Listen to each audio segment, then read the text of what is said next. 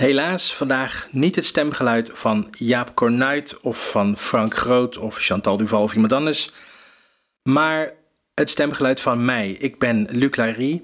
Ik ben de maker, de bedenker en de schrijver en de stemmetjes van Broeia Podcast.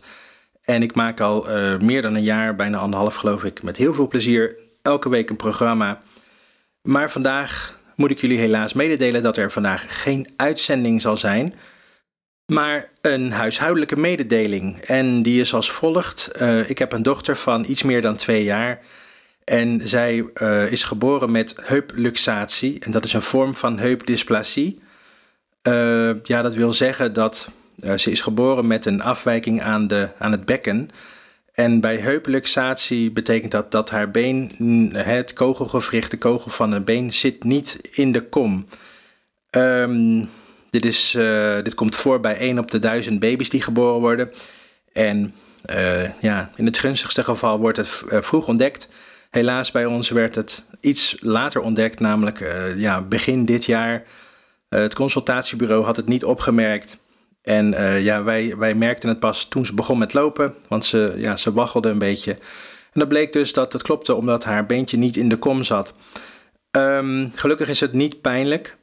Maar uh, het moet wel verholpen worden en ja, op zeer korte termijn eigenlijk, want het kan anders uh, ja, voor uh, allerlei soorten problemen, vergroeien en artrose en slijtage van, van het heupgewricht zorgen. En vandaar dat ze ook al een hele tijd op de wachtlijst staat voor een operatie.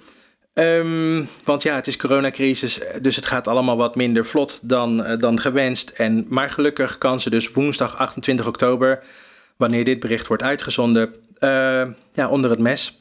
Het is een vrij zware operatie, maar uh, ja, moeder Larry en ikzelf, wij, wij hopen dat alles heel voorspoedig zal verlopen. Uh, daarna mm, zal ze nog, hè, onze dochter, een paar dagen in het ziekenhuis moeten blijven onder controle van de artsen.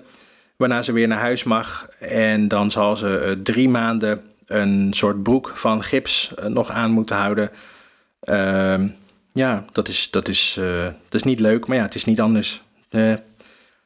We hopen er het beste van. En, uh, maar ja, daarom vandaag dus in ieder geval geen broeia. Ik hoop weer heel snel terug te zijn om jullie te vermaken met allerlei satire en onzin en flauwekul. En ik hoop op jullie begrip. En tot zover heel, heel erg bedankt en tot de volgende keer.